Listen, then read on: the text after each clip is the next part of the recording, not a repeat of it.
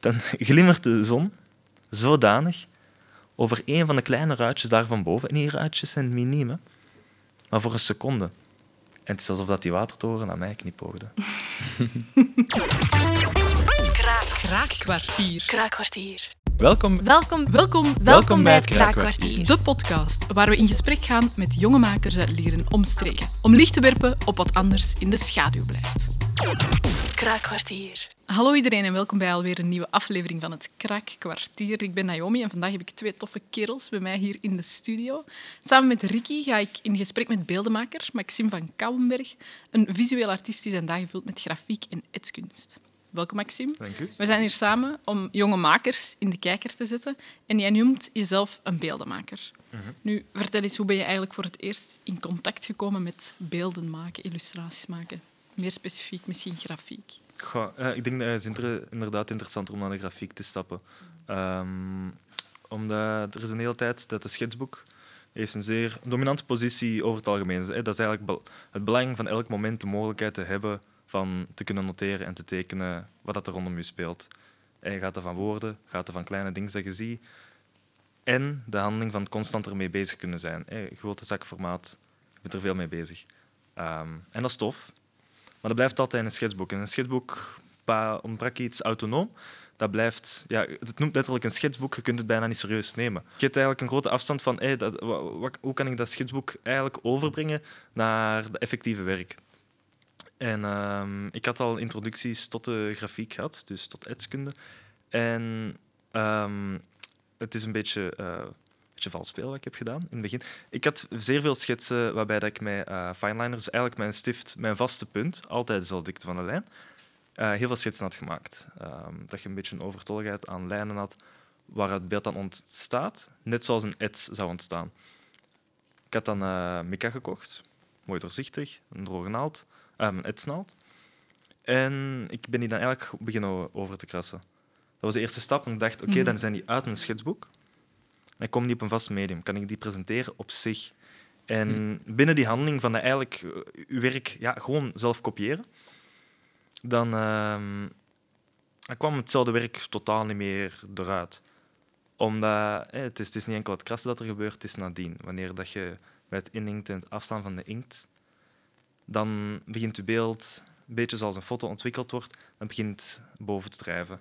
En stap voor stap komt het eigenlijk ehm, met de andere mogelijkheden van beeld. Er, de, er, er liggen nog zwarte lagen op die je langzaamaan weghaalt.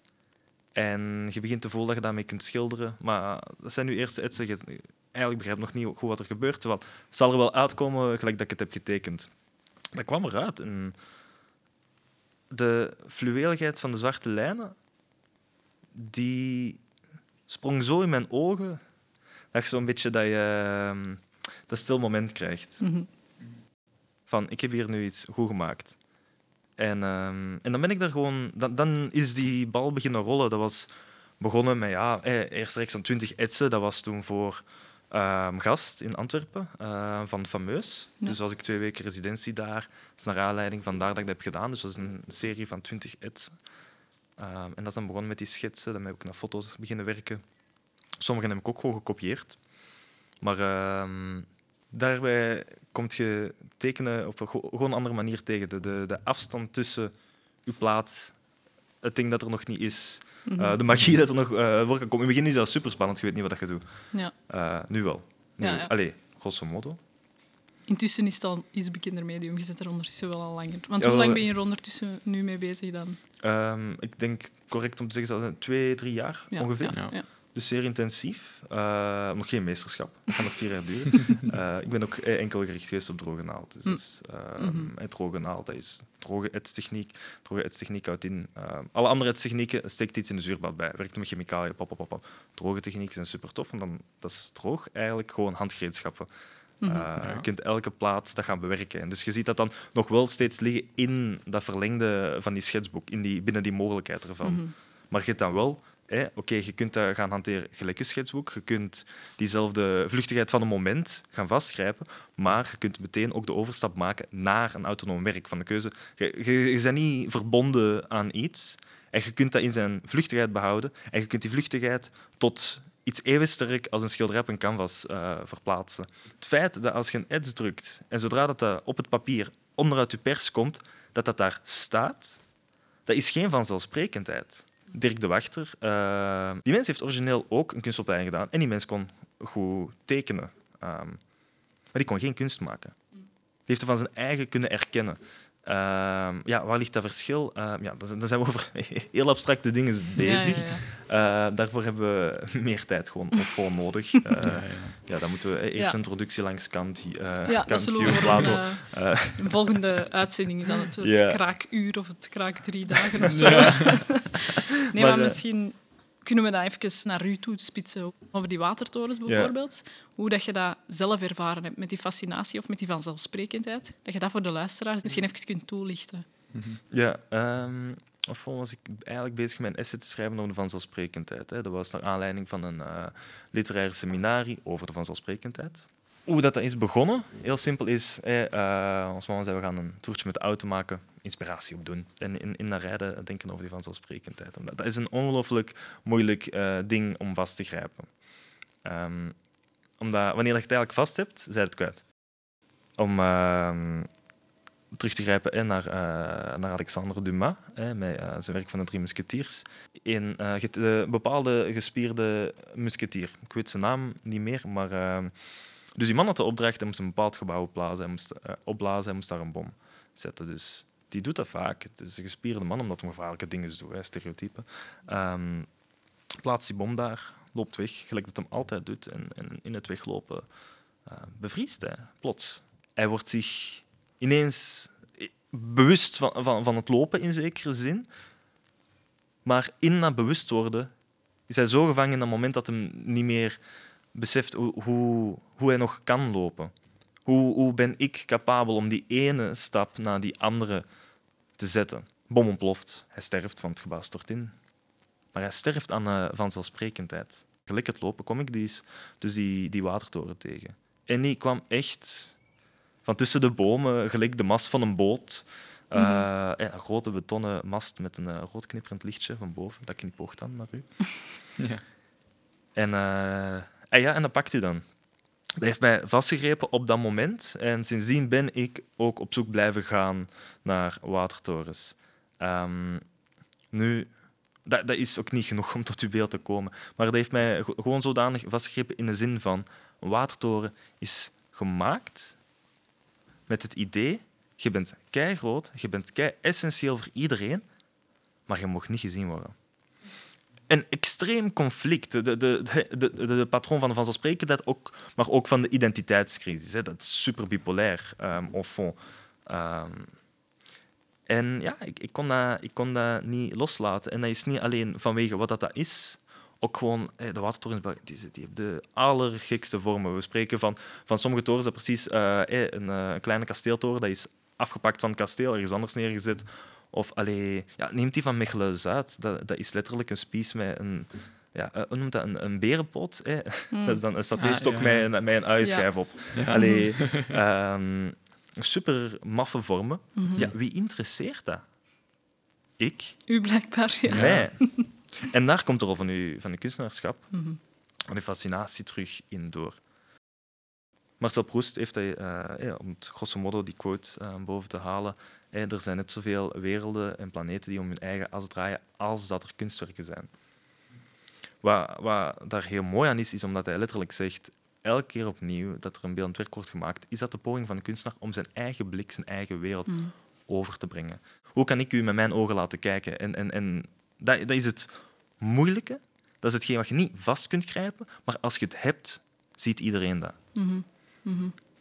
En dan kijkt jij mee naar mijn watertoren waar dat jij nooit naar zou kijken. Als ik niet met u gesproken had, bijvoorbeeld. Als je mijn werk niet had gezien. Ja, als ik je werk niet had gezien. Ja, ja. ja want allee, dat, dat, is dan de grap. Je ziet dat mensen plots van, ah, wat is dat? Ik, ik hoor dan ook soms, allee, ja, dat is een paddenstoel, dit, dat. Die, die benoeming maakt niet uit. Ik laat ook bewust hm. geen titels uh, bij mijn werken, uh, omdat de, het kijken zelf voor mij echt, dat is, dat is het belangrijkste, dat is waar het om draait. Ik maak beelden, je moet die kijken, je moet die ja, beleven. Dat is een belevenis beetje uh, extreem om te zeggen, arrogant.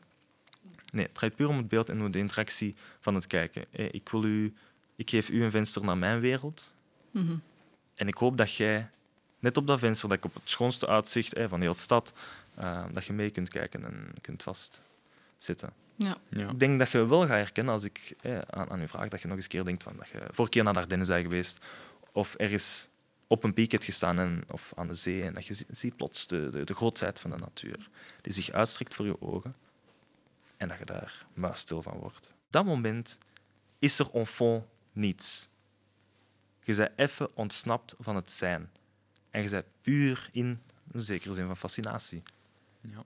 En dat is ook waar dat je met uw werk naar probeert te zoeken? Of- Ik geloof dat dat streven van elke kunstenaar zou, Ja. of beeldenmaker zou moeten zijn. Ik denk in eh, au fond wel. En de beste manier om voor u om daarover te brengen, ik word stil van die watertorens. Dus het zou dom zijn om dat met iets anders te proberen. Nee, nee, ik zie dat daar gebeuren. Ik ben dan stil. Ik ben gelijk een klein kind aan het staren. Ehm, ja, oké, dan moet ik dat gebruiken om dat over te brengen. Ja, want je wilt dan dat je publiek eigenlijk mee die beleving kan ervaren. In zekere zin. Ik, het gaat niet altijd per se draaien om diezelfde. Goh, het is moeilijk om te zeggen, omdat ik nu ook ben ik ook bezig met een, eh, met een film te maken van mijn ervaring met die watertorens. En dan probeer ik wel effectief puur. De intentie van die film is om aan de toeschouwer te kunnen overdragen eh, mijn blik. Dat hij voelt hoe dat ik zoek. Er is een fragment waarbij eh, met de wagen vertrekken we van een watertoren. En ik probeer die watertoren te blijven volgen met mijn camera. En ik heb het geluk dat dat een groot, lang, vlak stuk is. Een beetje ge- gebergte, maar geen, geen huizen of zo in de weg staan. En ik kan die blijven proberen te volgen. En, en wat ik zo mooi vind aan dat fragment, want dat, uiteindelijk is gewoon hey, iemand zit in de auto op mijn camera naar een watertoren te kijken. Er klinkt niks interessants aan. Ehm, maar je ziet wel, wat ik wel in geslaagd ben, en daar heb ik me eigenlijk ook bij verbaasd, vind ik, is dat je dat zoeken mee ziet. Je ziet van, ik wil die watertoren blijven vasthouden in mijn beeld. En het prachtigste is, vlak voordat de huizen komen en hun plaats op het toneel gaan opeisen, dan glimmert de zon zodanig over een van de kleine ruitjes daar van boven. En die ruitjes zijn miniem, maar voor een seconde. En het is alsof dat die watertoren naar mij knipoogde. Dat is mooi. Ja. Wat we nu even willen doen ook, puur qua luchtigheid eigenlijk, onze Spitfire questions. Dat zijn een aantal vragen en dilemma's die we op u gaan afvuren. En je moet gewoon het eerste wat in u opkomt reageren. Honden- of kattenpersoon. Katten, Als je een tijdsmachine had, zou je dan voor de toekomst of het verleden kiezen? voor nu. Nu? Ja. Mooi, mooi. Goed. Ketchup of mayonaise? Cocktail. Cocktail. Smart. Oké, wat is uw favoriete fruit? Ehm, ik wil zeggen banaan, maar ik lust geen bananen. Maar oké, goed. En uw meest gehate groente? Broccoli, maar ik eet graag broccoli. Nou, allee. Vol controverse. Goed, en dan misschien de laatste dan nog. Wat is een tip of een advies dat je uw jongeren zelf zou meegeven? Ehm, ik heb nu zelf Downing opgenomen. Dagelijks tekenen. Ja. Gewoon een kalendertje bijhouden. Maandag tot met vrijdag, heel de maand. eh, Gewoon kalender. Elke dag gewoon aantekenen dat je het getekend. Dat is een persoonlijke motivatie. Persoonlijke motivatie, dat, dat, is, dat is gewoon de truc Mhm. dat ik even meegeef. Het belangrijkste is gewoon blijven tekenen. Ja. En de rest komt wel. Probeer het dagelijks te doen. Dat is, dat is allee, soms dat vijf minuten.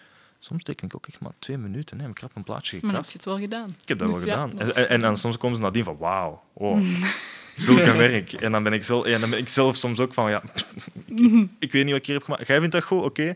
Eh, eh, wil je er kopen? Oké, doe maar, doe maar. Doe maar. En dat werk waar je dan uren hebt ingestoken, dat ligt daar dan naast. Dat haalt dan zoveel controverse Ja, boven. ja. Mm. Ja, dat is echt. ah, wel, je gaat heel veel controversies tegenkomen, dit, dat. ehm, en vandaar dat je moet blijven tekenen. Hm. Want gaat die controversies tegenkomen, gaan mensen erop liggen, ja, zeveren, ehm, gedoe overbrengen. Laat dat voor wat dat is. En je hebt je andere tekeningen, dan haal die gewoon nu even weg.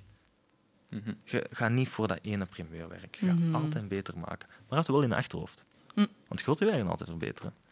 En dat stuurt soms drie maanden, jaar, drie jaar. Ik heb drie jaar één werk willen verbeteren, een beter werk willen maken dan dat. Na drie jaar is dat gelukt. Nu heb ik het nieuwe werk dat ik moet verbeteren, maar het is zoveel plezier. Ja, ja. Mhm. het hele creatieproces dat erin zit. Absoluut. Absoluut. Stel dat je nog... Het is het einde van de wereld, zo gezegd, en je hebt nog één kwartier te leven. En alles is mogelijk, maar je hebt nog maar één kwartier. Wat zou je dan doen? Spannende vraag. Ik denk dat ik niet zou doen. Ik zou oprecht... eh, mijn grootste probleem dat ik heb. Eh, en nu merk ik het. Ik kan heel slecht slapen, omdat ik eh, ben bezig met tentoonstellingen en zo. Mhm. Eh, ik wil er veel te veel voor doen. En ik schiet daar s'nachts van wakker, dat ik al die beelden in mijn hoofd heb. En ik denk te weten van, ik heb mijn deel gewoon kunnen doen. En ik ga er niet meer aan kunnen veranderen. Het zijn er van de wereld. ik denk dat ik gewoon zo op mijn gemak ga zijn. Ik denk dat dat een hele mooie afsluiter is om ons kwartier eh, mee te eindigen. Dankjewel, Maxime, voor het gesprek. Het was enorm plezier. aangenaam om te luisteren. Voor mij ook.